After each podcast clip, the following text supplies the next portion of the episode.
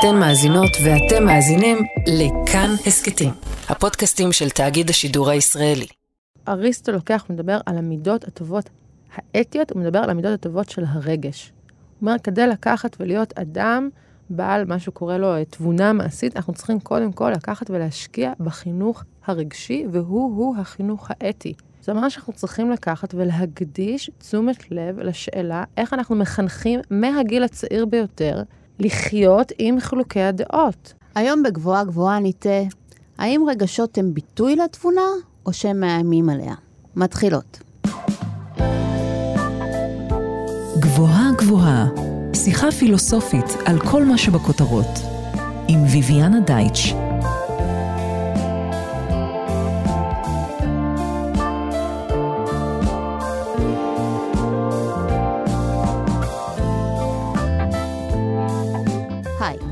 אני ביביאנה דייטש, אנחנו על גבוהה גבוהה, תוכנית בה מדי שבוע ניקח פיסת מציאות אקטואלית ונפרק לה את הצורה הפילוסופית. השבוע נבדוק איך הפילוסופיה חושבת רגשות. הפילוסופיה האנליטית נוטה להתייחס לרגשות כמו יצר חייתי שנוגד את התבונה, הפרעה. אבל אולי דווקא הרגש הוא ביטוי מעשי של התבונה? ניגש אל הפילוסופיה של עמנואל קאנט, אחד מגדולי הפילוסופיה בעת החדשה, נברר באמצעותה, ולא רק באמצעותה, אם יש קשר בין רגשות, תבונה או מוסר, או בין מה שאנחנו מרגישים, לבין הדרך בה אנחנו פועלות מוסרית בעולם. ואיך כל זה קשור לפוליטיקה?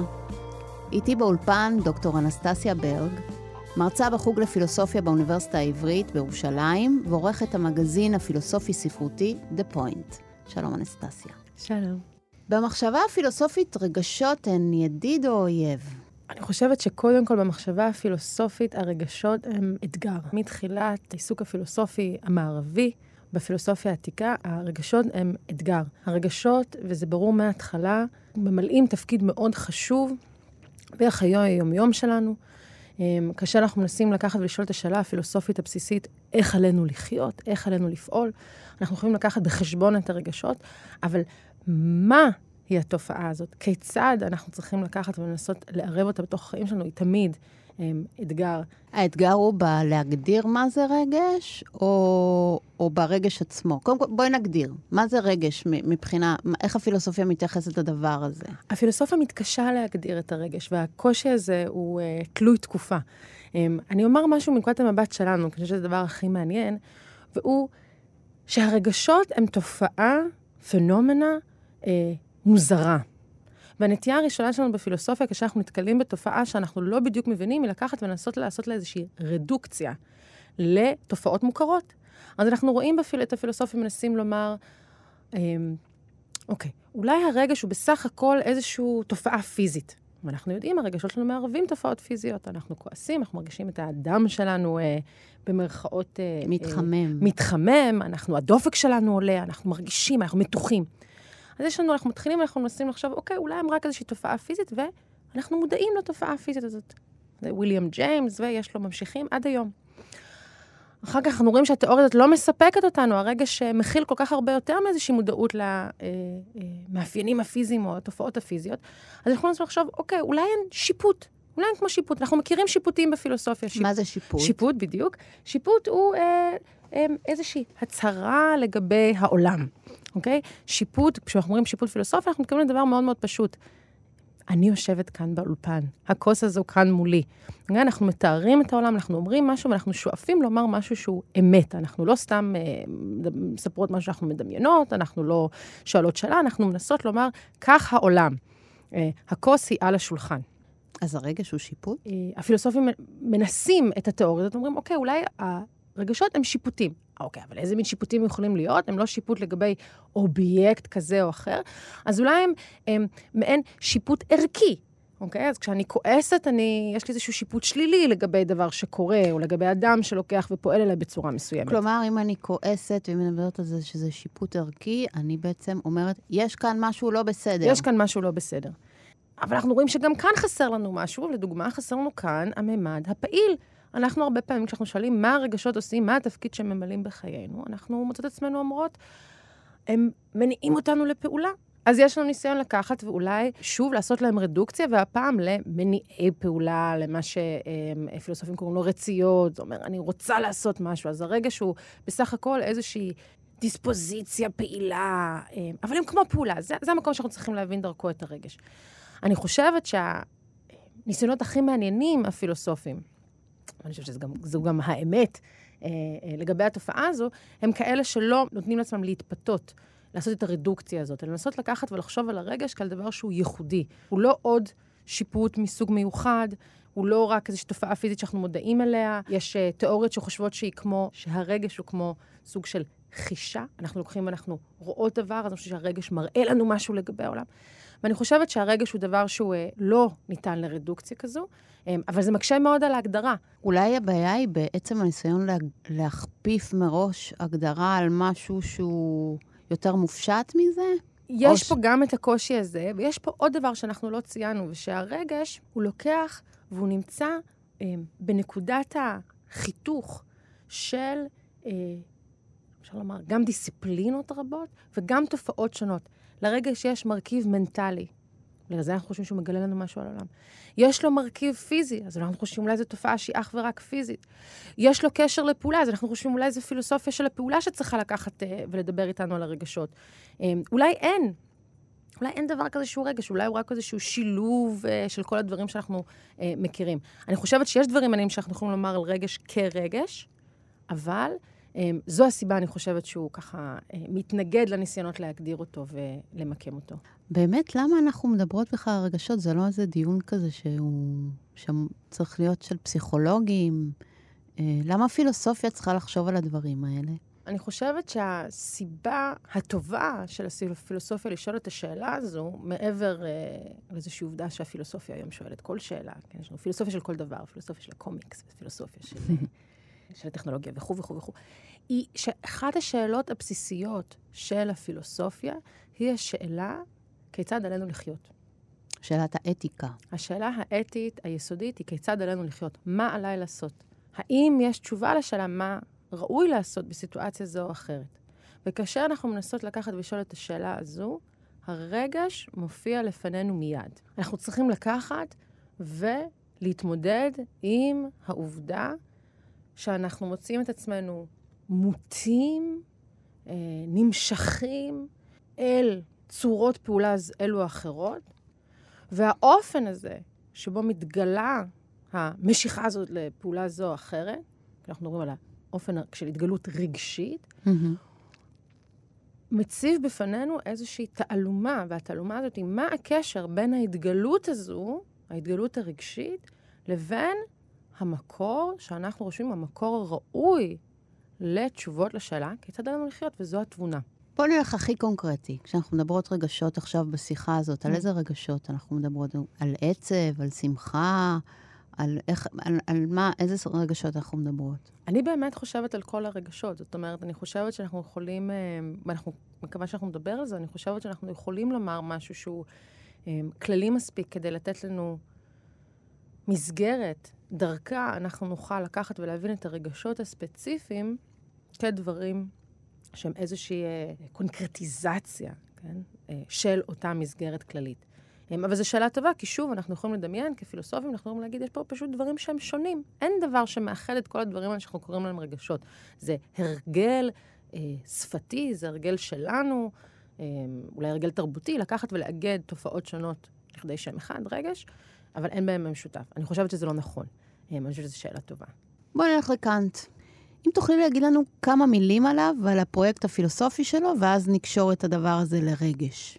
עמנואל קאנט, פילוסוף גרמני שפועל בסוף המאה ה-18. קאנט, אגב, במשך הרבה מאוד שנים פעל כמו כל הפילוסופים סביבו, אה, ולא עשה שום דבר יותר מדי מעניין. ואז פתאום, ממש מאוחר בחיים, ויכול לעודד את כולנו, בשנות ה-60 שלו, הוא לוקח ומפרסם את ביקורת התבונה הטהורה. אז זו הראשונה מתוך uh, של, שלוש ביקורות, שלושת הספרים המפורסמים ביותר של עמנואל קאנט, ובהם קאנט לוקח ומציג או מביא ממש מהפכה לאופן שבו אנחנו לוקחים ועושים פילוסופיה עד אותו הרגע. איזה שנה אנחנו מדברות? אז ב-1781, זו השנה שבה קאנט לוקח, מפרסם את הביקורת הראשונה, נקרא The Critique of Pure Reason. והמפתח, אם אנחנו רוצים להציג את זה בקצרה, כדי להבין מה, מה קאנט לוקח ומנסה לעשות כאן, הוא לקחת ולהיות מסוגלים לשמוע את הביקורת של התבונה הטהורה בשני אופנים. So critique of pure reason זה ביקורת של התבונה על ידי התבונה. קודם כל, קאנט לוקח ומנסה לענות מחדש על השאלה באיזה אופן התבונה יכולה לקחת ולגלות לנו את העולם. בביקורת הראשונה, קאנט שואל, מה אני יכול לדעת? עד אותו הרגע קאנט אומר, אנחנו היינו אה, שרויים באילוזיה, והאילוזיה הזו הייתה שהתבונה עצמה, התבונה הטהורה, יכולה לתת לנו מה שנקרא ידע מטאפיזי. מהו ידע מטאפיזי? ידע של דברים כמו אה, אלוהים, נפש האדם, כן? הדברים שהם מעבר לעולם הפיזי, לדברים שאנחנו יכולים החושי. לקחת, ונכון, לקחת וללמוד מתוך החושים. והצד הראשון שקאנט אומר, קאנט אומר, אנחנו לא יכולים, התבונה לוקחת ושמה לעצמה את הגבול. דרך הביקורת העצמית, התבונה שמה לעצמה את הגבול ואומרת, האדם יכול לדעת רק את הדברים שנגלים לו דרך החושים.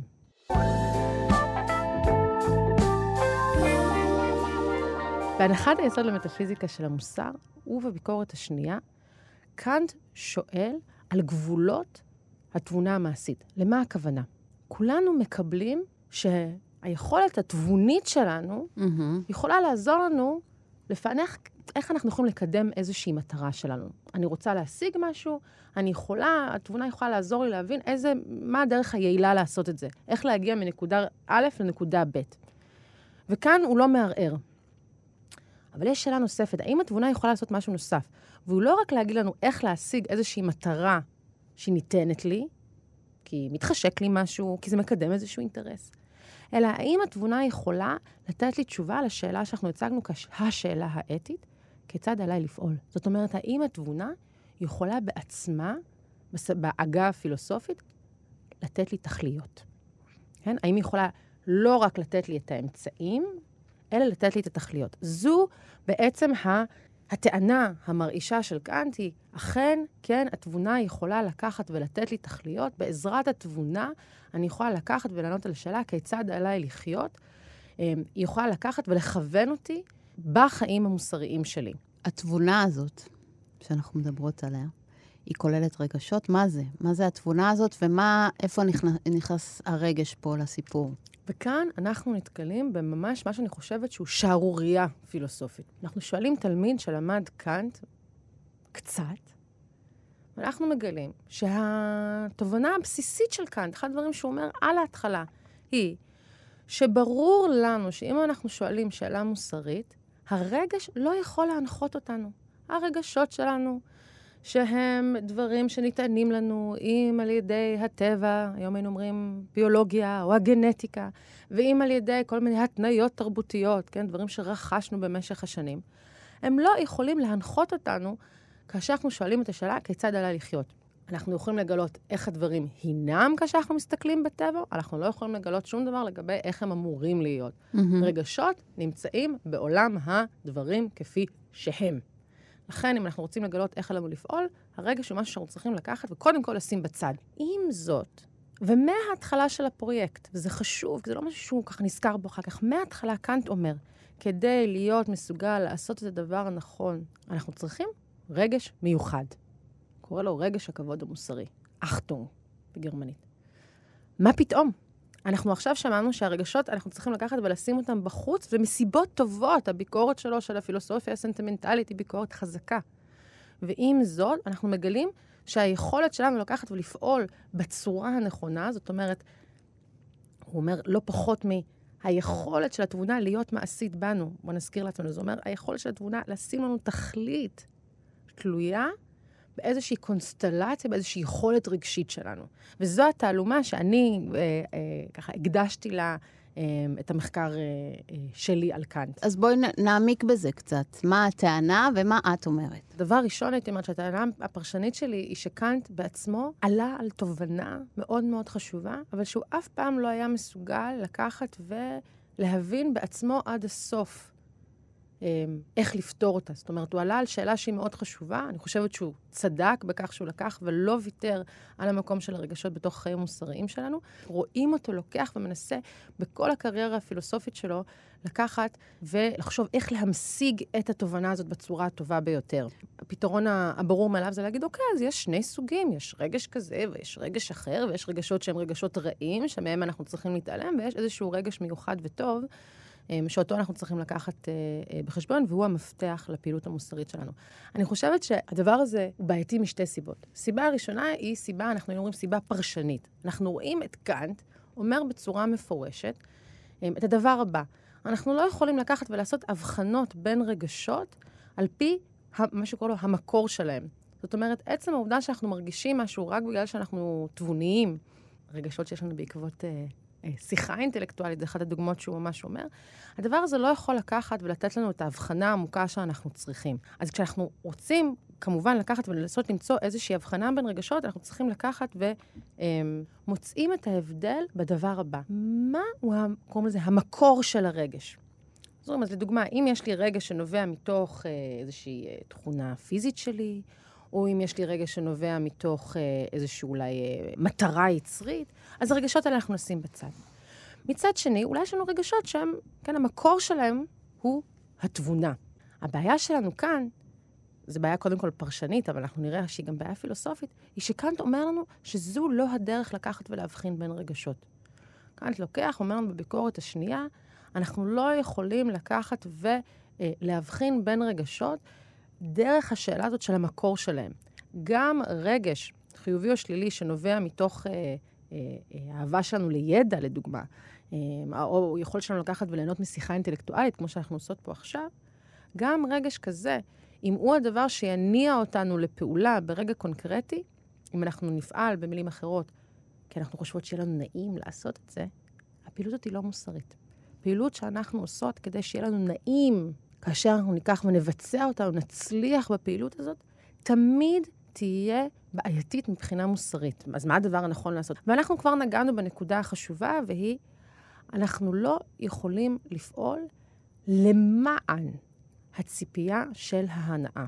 אני אקח דוגמה קלאסית של פעילות uh, מוסרית. אנחנו חושבים שאם יש דוגמה לפעיל, לפעילות שאנחנו יכולים לעשות לא כדי לקדם איזושהי מטרה, ולא מתוך איזשהו אה, בא לי, מתחשק לי, היא, לדוגמה, עזרה לחבר. אוקיי? דוגמה קלאסית של פעילות שאנחנו עושות, כשאנחנו מסבירים את זה לתלמידים, אנחנו אומרות, אה, דמיינו מצב שבו לא בא לכם ללכת, יש לכם דברים טובים יותר לעשות באותו יום, אתם לא חושבים שיצא לכם מזה שום דבר בטווח הארוך, ועם זאת, אתם יודעים שכחברים אתם צריכים ללכת ולעזור באותו יום, לבקר בבית החולים, לעזור לעבור דירה. כאשר אנחנו נשאל את השאלה הקנטיאנית, האם לפעולה הזאת הייתה ערך מוסרי או לא, השאלה שאנחנו נשאל היא, מה הניע אותך לפעול? והשאלה הבסיסית היא, האם את פעלת כי חשבת, ציפית, שתהיה לך איזושהי הנאה בפעולה הזו, או האם פעלת מתוך הכרה שזה האופן שבו את היית אמורה לפעול? האם את פעלת מתוך ההכרה שזה לא משנה מה את מרגישה באותו רגע, זה לא משנה איך זה מקדם או לא מקדם את האינטרסים האחרים שלך, כעת זה הדבר הנכון לעשות. והשאלה שאנחנו שואלות היא, אז איך הרגש משחק תפקיד בהסבר הפעולה השני הזה? אז בואי נשאל את זה. איך הרגש משחק תפקיד בהסבר הפעולה השני? אם חושב... זה, לא, זה לא בא לי, לא בא לי, מתחשק לי, לא מתחשק לי, אבל בכל זאת יש שם רגש. אז איזה רגש יש שם ואיך הוא מניע אותי? כדי לקחת ולענות על השאלה הזאת, אנחנו צריכות לקחת ולהסתכל על התיאוריה הכללית ביותר שקאנט מציג לגבי מהן רגשות. וקאנט אומר לנו דבר מאוד מעניין. הוא קצת קשה, אבל אני מבטיחה להסביר אותו. הוא אומר, הרגש הוא צורה של מודעות, של האופן שבו האובייקטים סביבי, ואנחנו יכולות לשמוע את זה כנסיבות ואנשים והפעולות שלהם והכוונות שלהם, כל הדברים סביבי, מקדמים או מונעים, סותרים, מפריעים לאיזושהי יכולת שלי לפעול בעולם. יש לנו מודעות תמידית של איך הדברים שנמצאים סביבי, האנשים, הנסיבות, האובייקטים, הולמים או לא הולמים את היכולות השונות שלי. אוקיי? מה, מה היכולות המכוננות על פי קאנט, היכולות שהופכות אותי לבן mm-hmm. אדם, דיברנו עליהן. זה היכולת להכיר את העולם, והיכולת לתת לתבונה להנחות אותי בפעילות שלי, בחיים שלי. בואי נדגים את זה, את כל מה שאמרת עד עכשיו. אז בוא, בוא ניקח לדוגמה... הכי קונקרטי. את המקרה אה, של כעס. כעס. אם אנחנו נחזור על כל הניסיונות האחרים לחשוב על מהו הכעס, אנחנו יכולים לחשוב, אוקיי, הכעס הוא המודעות של ה... כן, הדופק העולה, הד... הכעס הוא רק איזשהו שיפוט, הכעס הוא רק הנעה לפעולה. ואנחנו ראינו שהדבר הזה לא נותן לנו את האחדות של כל התופעות שאנחנו חושבים עליהן כשאנחנו חושבים על רגש. על פי התיאוריה של קאנט, הכעס הוא האופן שבו אני מודעת לכך ש... נאמר פה, אדם הכעיס אותי, אותה פעולה של אותו אדם לוקחת וסותרת, לא הולמת, נמצאת בקונפליקט עם מטרה זו או אחרת שלי. זה המקרה הקלאסי של כעס. צורת המודעות הזו, כאן קוראים מודעות סובייקטיבית, בכך הוא מתכוון שאנחנו לא לומדות משהו על העולם. כן? כאשר אני לוקחת ומגלה שאני אני מודעת לכעס שלי, אני לא לוקחת ולומדת משהו על העולם. אני לומדת משהו על היחס שבו אני עומדת אל דבר זה או אחר בעולם. אוקיי? Uh, כשחשבתי היום על השיחה שלנו, נזכרתי בציטוט של uh, uh, חורכה לואיס בורכס, הסופר הארגנטינאי, והוא מדבר באחת ההרצאות שלו על הטעם של התפוח. אוקיי? Okay? Okay. אני מזמינה את אותך ואותי ואת הצופים לחשוב שנייה, מה הטעם של התפוח? כשאומרים על טעם, על מה אנחנו מדברים? אז יהיה לנו מדען מסוג אחד, יגיד לנו, אוקיי, זה משהו בתפוח. ואנחנו נסתכל, ואנחנו נסתכל על כל הדאטה שהוא ייתן לנו, ואנחנו נגיד, אבל אני לא רואה פה שום דבר שהולם את החוויה שלי של טעם. אז אולי זה משהו בתוך הפה. כן? אנחנו אומרים, הטעם הוא לא בתפוח, אולי הוא משהו בתוך הפה שלי. אוקיי, אנחנו נראה מישהו מנסה... שזה ממש קאנט. אנחנו ננסה, בואו ננסה לתאר את זה, זה משהו בתוך הפה שלי, אז מה זה? אוקיי, אנחנו נדבר על פלוטות טעם ואיך אנחנו מושפעים, אבל אני לא רואה שם את התופעה שאני מדברת עליה כאשר אני חושבת על טעם של תפוח, אותו דבר שאני מזהה כאשר אני נוגסת בתפוח, שוב ושוב. ובורכס אומר, הטעם של התפוח הוא לא בתפוח והוא לא בפה, הוא לא על הלשון, אלא הוא...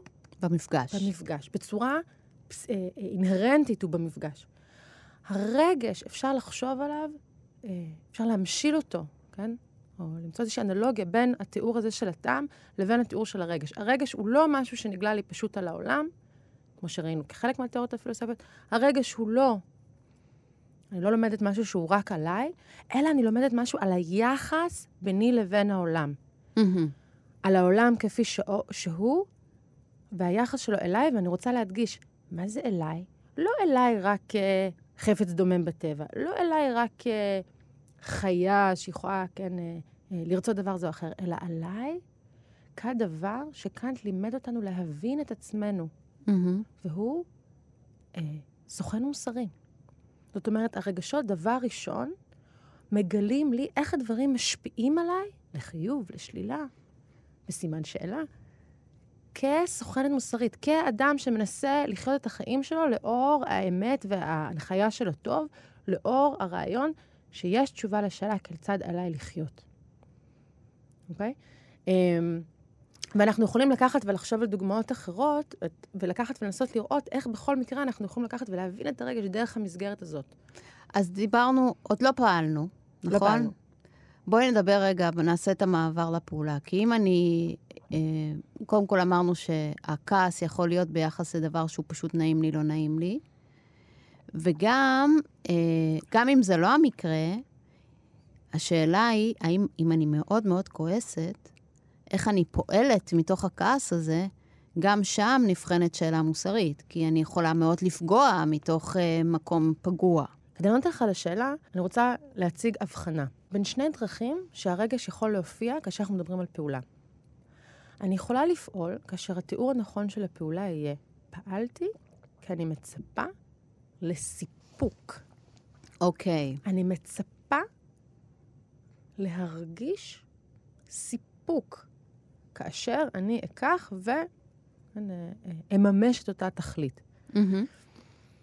התשובה לשאלה למה פעלתי, ציפיתי שאני ארגיש טוב.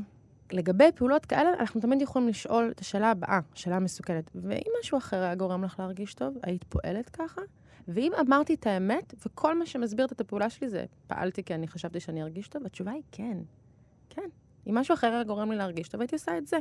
יש עוד אופן שבו הרגש יכול לקחת ולהופיע אה, בפעולה.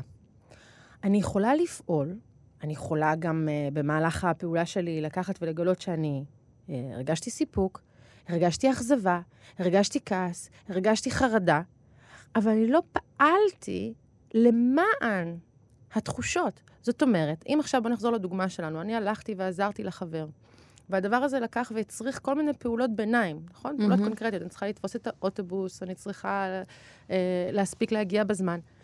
אולי הרגשתי סיפוק תוך כדי, יש, הצלחתי להגיע לאוטובוס.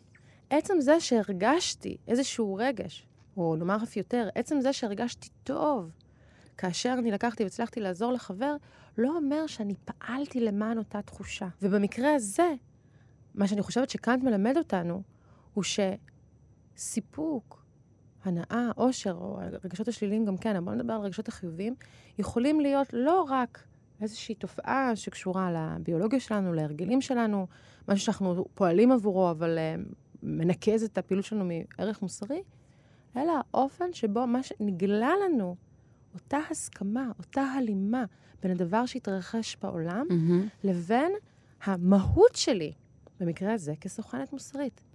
שוחחתי לאחרונה עם תלמידים שלי, ותלמידים אמרו לי, אבל אולי אני עזרתי כי רק כי היה לי נעים. אמרתי להם, אנחנו, אני חושבת שאנחנו חושבים על, הר... על העובדה שיכול להיות לנו נעים, כשאנחנו עושים אה, דברים טובים, כאיום לעתים קרובות מדי. העובדה שהיה נעים לי, כי פעלתי, עשיתי דבר נכון, לא אומר שהפעילות שלי לא היה לה ערך מוסרי. השאלה היא, האם עשית את זה רק כי היה לך נעים? או האם פעלת כפי שפעלת, פעלת כי זה הדבר הנכון לעשות, ועכשיו את, מרג... את אה, מודעת להלימה הזו.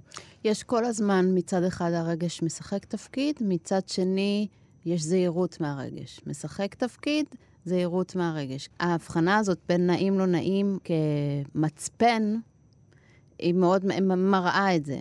כי אם זה המצפן שלי, אז בואו ניזהר. אבל אם זה קורה, אז אין, אין, אין עם זה שום בעיה עם זה שזה קורה, העיקר שזה לא יהיה המצפן של הפעולה שלי. אני חושבת שהפיגורה של המצפן היא מעניינת. היא לא יכולה להיות התכלית הסופית. אני לא יכולה לפעול בעולם רק מתוך שאלה אה, של מה יעשה לי נעים. זה ברור. לגבי מצפן, אנחנו צריכות לקחת ולשים עוד משהו על השולחן שעוד לא אמרנו. היכולת הרגשית, וזה דווקא דבר שקאנט חושב עליו לפעמים, אבל הוא לא מפתח. כדי באמת לחשוב עליו, אנחנו אולי נרצה ללכת לחושבים אחרים. אריסטו לדוגמה. שהיכולת הרגשית שלנו היא יכולת שהיא נרכשת. היא יכולת שהיא מצריכה פיתוח. והיא יכולת שאנחנו לא יכולים לפתח כראוי, כנראה, בצורה עצמאית. אריסטו אומר, האופן שבו אנחנו לוקחים ורוכשים הרגלים רגשיים היא דרך ביצוע פעולות. כדי להפוך להיות אדם אמיץ, זאת אומרת, אדם שיש לו את מידת הפחד הנכונה, אני צריכה לקחת ולבצע פעילות אמיצות. והדרך היחידה לקחת ולעשות את זה, היא בהנחיה של אדם אחר. למה אני מציגה את העובדה הזו, או את המחשבה הזו? כי כשאנחנו חושבים על מצפן, אנחנו שואלים את השאלה, איך אנחנו יודעים האם הרגש ברגע נתון, האם הפחד שלנו, הכעס שלנו, הסיפוק שאנחנו חשים ברגע מסוים, האם הם לוקחים וברגע הזה באמת מגלים לי את עצמי כסוכנת מוסרית, או אם הם לוקחים ומוליכים אותי שולל. וכדי לקחת ולענות על השאלה הזאת, כדי לקחת ולהעריך את הרגע שלנו כמצפן, אנחנו צריכים לקחת ולהבין מהם התנאים לרכישת היכולות הרגשיות שלנו בצורה כזו שבהם הם יוכלו לקחת ולהוות לנו את אותו מצפן. והנקודה של חושב כמו אריסטו, וגם קאנט ידע את זה, אבל זה באמת משהו שהוא לא הרחיב בו, הוא שהוא דורש קהילה. הוא דורש את החינוך המוסרי המודע. הוא דורש את, אה, ממש שימת לב לחינוך הרגשי שאנחנו לוקחים ונותנים, ואצל אריסטו זה, זה מפורש, מהגיל הצעיר ביותר. עבור מי שמצטרפת אלינו עכשיו, אנחנו על גבוהה גבוהה, אני ביביאנה דייטש, איתי באולפן דוקטור אנסטסיה ברג, ואנחנו משוחחות על רגשות ופילוסופיה דרך עמנואל קאנט, ולא רק. ואת אמרת עכשיו, אה, דיברת קהילה, אמרת אריסטו, אז נראה לי שזו הנחתה מצוינת לדבר קצת על רגשות ופוליטיקה. Mm-hmm. על הפעולה אה, הזאת שלא קשורה רק בי ובחבר שלי, אלא בקהילה כולה. מה אנחנו יכולות להגיד שם על הרגש? או איך הקישור בין רגש לתבונה קשור לפוליטיקה? הדרך לחשוב ולהתחיל לחשוב על הקשר בין הרגש לפוליטיקה הוא לשים לב שהאופן שהרגש מאיים, גם בחיים האישיים שלנו, גם בהיסטוריה של הפילוסופיה, חוסר היכולת שלנו לקחת ולהבין את הקשר שלו לבין התבונה, החשש שהוא תמיד עומד באיזשהו ניגוד של התבונה, מתעצמים בקונטקסט הפוליטי. שאלנו קודם על האופן שבו הרגש מופיע בפילוסופיה. Mm-hmm. ומה שמעניין זה שהרגש, ההופעה הראשונה שלו אולי, או המרכזית הראשונה, היא בפילוסופיה של אפלטון. והרגש מיד באפלטון לוקח ומופיע לא רק כמשהו שאנחנו צריכים להתמודד איתו כבני אדם פרטיים, האופן שבו יכול לקחת ולהניע אותנו הרחק מההנחיה של מצפן התבונה, כמו שאת קראת לה, אלא הוא יכול לקחת וממש לאיים על היכולת שלנו לקחת ולחיות חיים פוליטיים טובים. כאשר אה, סוקרטס של אפלטון לוקח ומנסה לדמיין את חיי הקהילה הטובים, הוא מיד מבין שאותם גופים בחברה שמונעים על ידי רגש ביותר, הוא מזהה אותם עם הרגש, זה ככה כלל האוכלוסייה או ההמון, צריכים להיות תחת שליטה. הם מהווים איום לסדר הפוליטי, הם צריכים להיות תחת שליטה, אנחנו צריכים שיהיה לנו מעמד שלם שהתפקיד העיקרי שלו לקחת ולהגן על העיר מפני האיום מבפנים הזה, האיום היצרי והרגשי. Mm-hmm. והפוטנציאל של הרגש לצאת מגדי שליטה לא רק בחיים הפרטיים שלנו, אלא בחיים הפוליטיים, ולסכן את הח... אפשרות החיים המשותפים שלנו, הוא משהו שאנחנו לוקחים ואנחנו חוזרים אליו שוב ושוב. הוא הופך להיות נושא מאוד מרכזי במאה ה-20. אוקיי? עם עליית הפסיכואנליזה, אנחנו לוקחים ואנחנו מקבלים תיאוריה שבה אה, הרגש הוא לא רק משהו שהוא מנוגד לתבונה, אלא הוא משהו שנובע מתוך יצרים שנמצאים במחשכים, אה, יצרים אלימים, יצרים אה, אה, פוגעים עצמית, self-destructive. אמ, ואנחנו לוקחים ואנחנו מבינים שההמון, במרכאות, הוא משהו שמהווה סכנה, ושאנחנו צריכים לקחת ולשלוט בו. אמ, אני חושבת שזה יכול להיות גם מאוד מעניין לקחת ולחשוב כמה מהאופן שבו אנחנו חושבים על הרגשות בקונטקסט של הסוכן הפרטי, של האדם האינדיבידואלי, mm-hmm. קשור, כן, מתוך העלייה של הרגש כאיום פוליטי. אה, ומתוך התפיסה הזאת שהתפקיד של ה... הפוליטיקאי, של הגוף הפוליטי, הוא לקחת ולנסות לשלוט על אותם, אה, על הפוטנציאל הרגשי הזה, שהוא מסוכן לכשעצמו, ושתמיד אפשר גם לקחת ולעשות לו איזושהי מניפולציה. כן, אז אנחנו רואים את ה... גם המרכזיות ההיסטורית של זה, אבל גם המרכזיות של זה בניסיון שלנו לקחת ולהבין את ההתנהגות האנושית, של האופן שבו אנחנו לקחת ולעשות מניפולציה דרך המנהיג הכריזמטי ודרך הפעילות של ההמון שלוקחים ובאים ביחד. אנחנו רואים אנשים, כן, אה, נוטים כמה שיותר רחוק מהתבונה אה, שאנחנו יכולים לדמיין, בתוך הקונטקסט הפוליטי, שאנחנו חושבים שנותן איזושהי הזדמנות לרגש ולרגשות לקחת ולהתפקע. בואי נוריד את זה אל הקרקע, כן. את כל המילים הגבוהות ש... שאמרת לנו, ו... ונדגים את זה, אם את יכולה. אה, להדגים את הרעיון אז הזה. אני, אז אולי אני אדגים את זה דווקא במשהו אה, די עכשווי, וש... ואני לא יודעת כמה הוא קליל, אבל הוא מוכר לנו. השיחה הזאת כולה, לא, לא, אני לא בטוחה כמה היא קלילה. אוקיי, okay, אז בואו נחשוב, אה, במקום ללכת באמת לרגעים החשוכים ביותר במאה ה-20, בואו נחשוב שנייה על טוויטר, על המדיה החברתית. האם, אני מניחה שכולנו שמנו לב, שלתופעה, אנחנו קוראים לזה תופעת העליהום של המדיה החברתית. כן, מובינג, אנחנו קוראים לזה, אמ, התקפות ככה כוללות, ואנחנו רואים כמה מאפיינים שעולים ברגע הזה. אנשים מרשים לעצמם, בקונטקסט הזה של העליהום במדיה החברתית, להתנהג באופן שאנחנו אומרים, אנחנו לא יכולים לדמיין אותם מתנהגים ככה באופן פרטי. הם לא היו מדברים ככה אל אדם, אם זה היה רק, אה, רק הוא והם. הם לא היו אומרים את אותם דברים. הם לא היו מרגישים את מה שנראה שהם מבטאים ככעס מאוד מאוד מאוד גדול, הרבה פעמים על דברים מאוד טריוויאליים. ומשהו שמאוד מעניין אותי, אנשים מרשים לעצמם להתנהג מבלי שום שאיפה לאיזושהי מקוריות. זאת אומרת, ביום-יום כשאנחנו מדברות, אנחנו רוצות להגיד משהו שלא כולם אמרו סביבי. כן, אם אנחנו בארוחת ערב, ואדם אחד אמר את זה, ואדם שני אמר את זה, אדם השלישי, הוא יגיד אותו דבר, אנחנו נסתכל עליו ונגיד... אה, זה נאמר זה כבר, לא, חביבי. זה נאמר כבר, חביבי, עברנו הלאה, וזה לא הנורמה החברתית של ארוחת הערב, ואיכשהו במדיה החברתית, הרעיון של כולנו נגיד את אותו הדבר. אה, שוב ושוב ושוב. אנחנו נכעס מאוד, ואנחנו נרשה לעצמו, נרשה לעצמנו, סליחה, לב... ממש אה, ככה לכוון את החצים שלנו כנגד איזושהי מטרה. אני חושבת שזו דוגמה נהדרת לאיזושהי אה, התפרצות רגשית שקורית בתוך הקונטקסט, שהוא הקונטקסט החברתי. הקשר בין זה לפוליטיקה, אנחנו נרצה אולי אה, להתייחס לזה בזהירות יתרה, אבל, אבל בקונטקסט חברתי אנחנו רואים את הרגש, אה, אנחנו באים ביחד ומשהו קורה, יש לנו פה איזושהי התפוצצות רגשית. כן? הכעס עולה, אה, האגרסיה עולה, אה, הנקמנות עולה. ואנחנו מתאגדים סביב אה, רעיון וחוזרים עליו, את אומרת גם, בתוך ההקשר הזה. כן, אנחנו, אליאס קנטי בספר שלו, Crowds and Power, אולי הוא ההמון והכוח, לוקח ומדבר על האופן שבו בתוך ההמון, או בתוך הקהל, אנחנו מצליחים או זוכים mm-hmm. להתגבר, להוריד מעצמנו את העול של הרסנים והגבולות הרגילים שאנחנו כל הזמן שומרים עליהם מכל משמר. אנחנו אומר, הפחד הגדול ביותר של האדם, איזושהי פרובוקציה כזאת, הוא אומר, היא הפחד מזה שיגע בי הזר. והוא אומר, ובהמון, שימי לב, את באוטובוס, את מנסה שאף אחד לא ייגע בך. אוקיי? את, את, את עומדת בתור, את לא תתני לאף אחד לגעת בך. אבל משהו משתנה ברגע כשאנחנו נמצאים בתוך איזושהי סיטואציה מסוימת, הוא קורא לה ההמון, שפתאום אנחנו, אנחנו יכולים לחשוב על אה, קונצרט הרוק לדוגמה. כן, אנחנו מרשים לאחרים לגעת בנו. אנחנו לא יודעים איפה אנחנו מתחילים ואיפה הם נגמרים. אם הם כמונו. הוא חושב שקהלים שונים הופכים אותנו לכמונו. זאת אומרת, הקונטקסט של הכמונו, הקונטקסט של האני כמוך, הוא הקהל. לכן, הבדלים אה, שבקונטקסט אחר יכולים להיות הבדלים מאוד מאוד חשובים, נמחקים בתוך קהל מקונטקסט מסוים.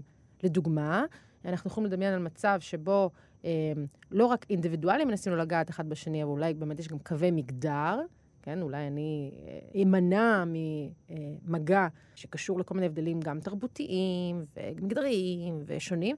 בהמון, כל ההבדלים האלה כן, איכשהו נמסים, ואנחנו רואים איזושהי אחדות, ויש בזה איזשהו שחרור מאוד מאוד גדול.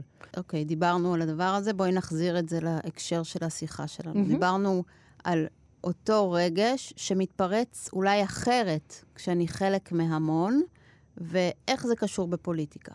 Well, זה קשור בפוליטיקה כי אנחנו, כי מצד אחד, כאשר אנחנו מסתכלים על הרגש מהזווית של התופעה הזו, של, אנחנו יכולים לקרוא לה ההתפרצות הרגשית, אם זה הכעס, אם זה האקסטזה, אם זה האכזבה, כי אנחנו לדמיין על איזשהו אה, אבל קולקטיבי.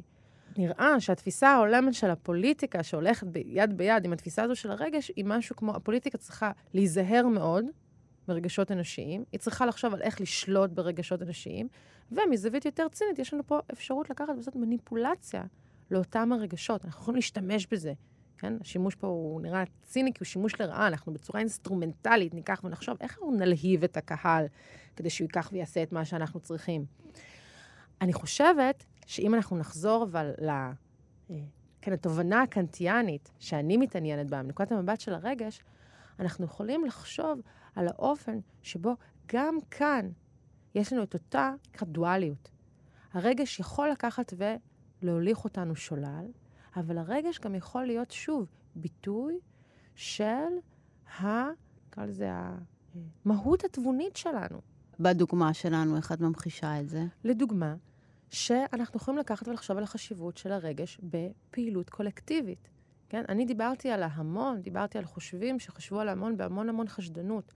אבל כשאנחנו חושבים על פעילות קולקטיבית, סוג הפעילות הקולקטיבית שנדרש כדי לקחת ולקדם את המהפכות החשובות ביותר אה, בואו ניקח סתם דוגמה אה, מעבר לים. אה, אפשר לחשוב ממש על היום.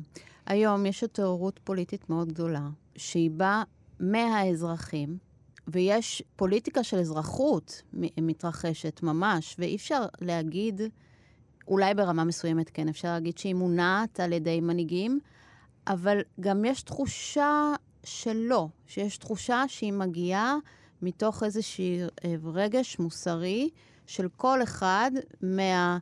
מי שבעד אה, מהפכה חוקתית או מי שנגדה, אה, וקורא לזה הפיכה משטרית. אבל זה מאוד... זה, אין, אין תחושה שזה עדר. כדי להשתמש בדברים שאמרנו קודם, לא חשבתי על זה עד עכשיו, אבל אנחנו יכולות לומר, הנה ביקורת אחת שאנשים יכולים וגם מעבירים על באמת ההתעוררות החברתית שאנחנו רואים. אומרים דבר כזה, זה לא, אולי יש פה איזושהי התעוררות פוליטית, אבל האמת היא שכל שבת, כל תל אביב יוצאת למסיבה. כיף להם. לאנשים כיף. לאנשים נעים, אנשים uh, רואים אחד את השני, יש איזושהי חדווה, יש איזושהי התעוררות, הפסיכואנליטיקאים יגידו שיש איזשהו ז'וויסאנס באוויר, אנשים מתלהבים. אם אנחנו עכשיו נחזור לאותה שפה שפיתחנו קודם, אנחנו נגיד, זה שאנחנו רואים סיפוק, זה שאנחנו רואים אפילו איזשהו סוג של הנאה, אולי איזה סוג של גאווה, אולי איזה סוג של uh, התרגשות, הדבר הזה לא מבטל את התוכן, לא רק החשיבות המוסרית, אלא את התוכן המוסרי, את ההנאה המוסרית של האדם שמשתתף בפעילות הזו. אנחנו יכולות אפילו לקחת, אה, זה לא דבר שקאנט מדבר עליו, אבל כשאני הגדרתי את הרגע שהגדרתי אותו בתור סוכן פרטי, אמרתי, הסוכנת הפרטית מודעת לאיך הדברים לוקחים והולמים או לא הולמים אותה ואת המטרות שלה כסוכנת מוסרית. אנחנו יכולים לחשוב על ההנאה של הקהל, של הקבוצה ושל הקולקטיב, כאיזושהי מודעות לאיך הדברים משפיעים עלינו כעל קולקטיב מוסרי. אני רוצה אבל שנלך צעד אחורה. Mm-hmm. ונדבר על מה שמניע אותי עוד לפני שדיברתי על mm-hmm. מה ש... אני יושבת, צופה בחדשות מול אה, סיטואציה פוליטית, גם אם אני, אה, לא משנה מאיזה צד של המפה הפוליטית mm-hmm. אני נמצאת, וקורה בי משהו. Mm-hmm. בואי נדבר עליו. על הדבר הזה שקורה בי, ואחר כך מניע אותי לפעול mm-hmm. בצורה אה, מסוימת. בואי נדבר על, על הרגש הזה, שבסוף מניע אותי לפעולה הפוליטית הזו. Mm-hmm. ומה ש... את קודם כל צריכה לתאר לי מה הרגש, ואז את... אה, ש... את, אני יושבת, אני ועל... יכולה אה, להגיד, אני יכולה לצדד ברפורמה, mm-hmm. אוקיי? ולהתרגז על שנים שבהן, לשיטתי, הדמוקרטיה לא התנהלה mm-hmm. כמו שהיא הייתה צריכה להת... mm-hmm. להתנהג, ואני יכולה לשבת ולהגיד, יש פה מנהיג שרוצה להפוך את ישראל לדיקטטורה, ולכעוס אל מול הדבר הזה, ולקום בשני המקרים אה, לעשות אה, מעשה פעולה. בואי אני אגיד לך, כפילוסופית שחושבת על הרגש, דבר אחד ש, שמאוד מעניין אותי בקונטקסט הזה. אנשים מתפתים לחשוב על הרגש כעל דבר שהוא לא קשור ליכולות התבוניות שלנו, הוא בא ממקום אחר, מהמחשכים, מהטבע, מההרגלים.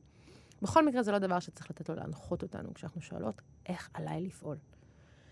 בקונטקסט הזה אני חושבת, הרבה פעמים אנשים נותנים את הדוגמה של באמת הכעס הפוליטי כמשהו שנראה מאוד לא הגיוני. מה פתאום את יושבת בסלון שלך, לא משנה מה העמדות שלך, מתעצבנת כל כך מול הטלוויזיה.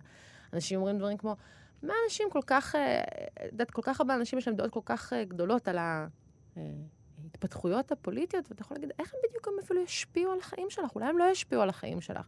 והם רואים פה עדות למשהו שהוא לא רציונלי. זה שבטיות, אה, זה גזענות, זה אליטיזם. אני חושבת שדווקא המסגרת שאני הצגתי מאפשרת להגיד משהו הפוך. לקרוא את התופעה הזאת בצורה הפוכה. הסיבה שאנחנו לפעמים כל כך כועסים על דברים פוליטיים, שהתוצאות שלהם על החיים שלנו הפרטיים יכול, יכולות להיות קטנות. אני לא אומרת שזה המקרה במקרה הזה, אבל הרבה פעמים אנחנו חושבים על תוצאות שישפיעו על אחרים. היא בדיוק כי אנחנו מבינים שמה שעומד על הפרק בהחלטות הפוליטיות הוא לא רק אה, הטובין שכן או לא יהיו לנו אחרי החלטה, אלא מה שעומד הרבה פעמים הוא בדיוק החופש שלנו. מה אמרנו שהוא הרגש? הרגש הוא האופן שבו אני מודעת על איך הדברים הולמים או לא הולמים אותי, לא כמישהו עם uh, סדרת רציות, לא כמי שרק עם נטיות לב, אלא כעל סוכנת מוסרית, שעבור קאנט, לא דיברנו על זה, אבל סוכנת שיש לה חופש. את החופש לקחת ולקבוע את החיים שלה.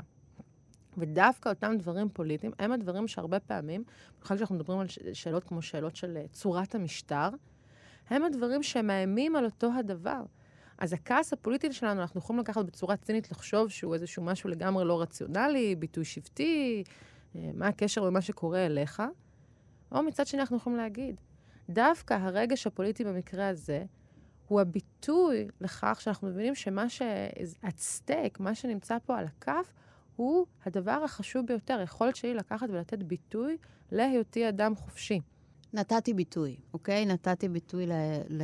מימשתי את ה... זאת אומרת, אני רק, אני, אולי אני אפילו אומר, זה, מה שהרגע שם משקף, הוא העובדה שאת מודעת לכך שמה שנמצא בסיכון הוא דבר שהוא מאוד מאוד מאוד חשוב לך. כן? זו הסיבה שהרגע שלך יכול לקחת ולהיות כל כך חזק. ובכל זאת, mm. נראה שהמצב הפוליטי כרגע, mm. אה, או הרגשי בנוגע לפוליטיקה, מאוד מקטב, אוקיי? הוא מונע, אולי הוא כבר, הרגש כבר הלך אולי צעד אחד קדימה. הרי אנחנו חיות וחיים פה ביחד, mm. בסופו של דבר. אחרי שהרגש הורה לי, מאותת לי אה, אה, מוסר לכאן, מוסר לכאן, תלוי באיזה צד של הפוליטי, של ה, של הצד, באיזה צד פוליטי אני נמצאת. ואז אנחנו צריכים לחזור לחיות ביחד. Mm-hmm. יש את כל הרגשות האלה. אז איך אנחנו חוזרות למצב תבוני שמבין את הדבר הזה? זה שוב, זה, זה אותו מהלך שקורה מחדש, ש, שעכשיו משהו השתנה, השגתי, לא השגתי, ועכשיו צריך לחזור לאיזושהי... אני אגיד לך מה, ואני חוששת שהתשובה שלי תהיה, לא יודעת אם מאכזבת או מתסכלת, או תישמע לרגע פסימית, אבל אני מבטיחה שיהיה לה, החיים. לה טוויסט אופטימי בסוף.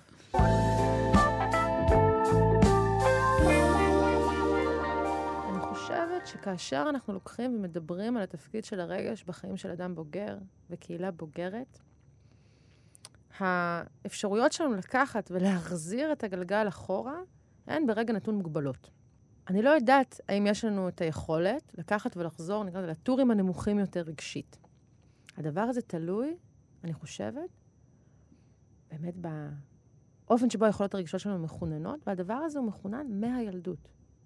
זאת אומרת, אני חושבת שברגע נתון, היכולת שלנו לקחת ולהחזיר את הגלגל, אה, ככה, להחזיר את, הג', את, ה, את השד לבקבוק, זה לא שהיא מוגבלת, אבל היא לא תלויה אך ורק ב... אה, יכולות השליטה שלנו של הרגל ברגע, הנתון, ברגע הנתון. זו בעצם אחת, ה, נקרא לזה, ה-upshots של צורת החשיבה הזו לגבי הרגשות, היא להבין שהרגש הוא לא דבר שנמצא פשוט אה, בשליטה שלנו, בין אנשים פרטיים או באנשים פוליטיים, ברגע נתון. אבל זה כן אומר שיש מה שאנחנו יכולים לעשות. אנחנו יכולים לקחת ולהבין כמה זה חשוב לקחת ולהשקיע לא רק, כן, בחינוך למתמטיקה או קרוא וכתוב, אלא לחשוב על מה זה אומר לקחת ולהשקיע בחינוך, כלומר מוסרי, נקרא לו חינוך אתי, החינוך הרגשי. אמ, ו... מדהים שאת אומרת חינוך אתי כחינוך רגשי, אחרי כל השיחה שלנו. ה... כאשר אריסטו לוקח ומדבר על המידות הטובות האתיות, הוא מדבר על המידות הטובות של הרגש. הוא אומר, כדי לקחת ולהיות אדם בעל מה שקורא לו תבונה מעשית, אנחנו צריכים קודם כל לקחת ולהשקיע בחינוך הרגשי, והוא-הוא החינוך האתי. קונקרטית זה אומר שאם, בוא נסתכל על הבעיה שאת מעלה, איך אנחנו חוזרים לחיות ביחד כאשר יש בינינו כאלו חלקי דעות, זה אומר שאנחנו צריכים לקחת ולהקדיש תשומת לב לשאלה איך אנחנו מחנכים מהגיל הצעיר ביותר לחיות עם חילוקי הדעות. כן, לחיות רגשית עם חילוקי הדעות. מאוד אופטימי דווקא. זה, אופטי, זה אופטימי מבחינת, כלומר, יש לנו כוח יש גדול. מה לעשות. יש לנו כוח גדול, אבל הוא לא הכוח לקחת ולפעול ברגע נתון כדי, בוא נאמר, אם אנחנו לוקחות ברצינות את מהות הרגש, את הפוטנציאל של הרגש, אבל גם את הדרישות של הרגש, אז אנחנו מבינות שהדרך היחידה לקחת ולהפוך את, ה, את הרגש לכמו שאת קראת לו, המצפן שלנו, הוא על ידי השקעה בחינוך הרגשי מהשלב המוקדם ביותר. ובצורה קונקרטית, כדי שזה לא יישמע לגמרי ערטילאי, בצורה קונקרטית זה אומר שאחד הדברים שאנחנו צריכים לחשוב עליהם בתוך הכיתות שלנו, היא תרבות דיון. היא אה, איך אנחנו לוקחים ומנהלים את ה debate שיש בו ממש מחלוקת, ואיך אנחנו לוקחים ושורדים את אותה מחלוקת בצורה רגשית. דבר שאנחנו כמעט ולא קורה היום. לגמרי. כן. דוקטור אנסטסיה ברג, תודה רבה לך על השיחה הזאת. אני ביביאנה דייטש, תודה רבה גם לעמיתי פוקמן ולחן עוז, טכנאית השידור שלנו כאן באולפן. את כל הפרקים של גבוהה גבוהה אפשר לשמוע ביישומון או באתר של כאן, או בכל אפליקציה שבה אתן נוהגות ונוהגים להאזין להסכתים. אני מקווה שנהנתם והחכמתן. תודה רבה, אנחנו נשתמע במחשבה הבאה.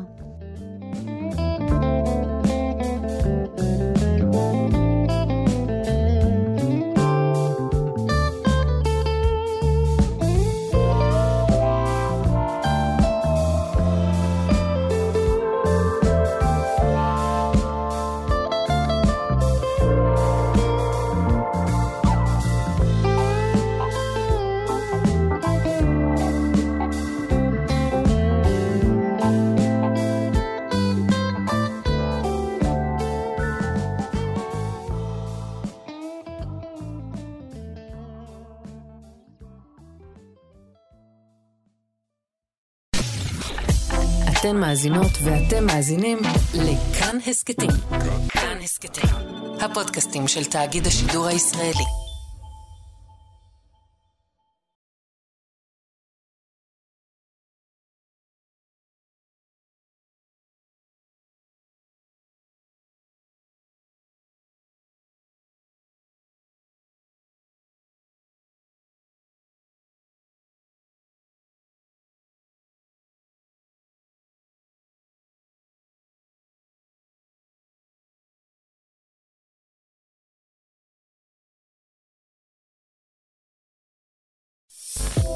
אתן מאזינות ואתם מאזינים לכאן הסכתים, הפודקאסטים של תאגיד השידור הישראלי.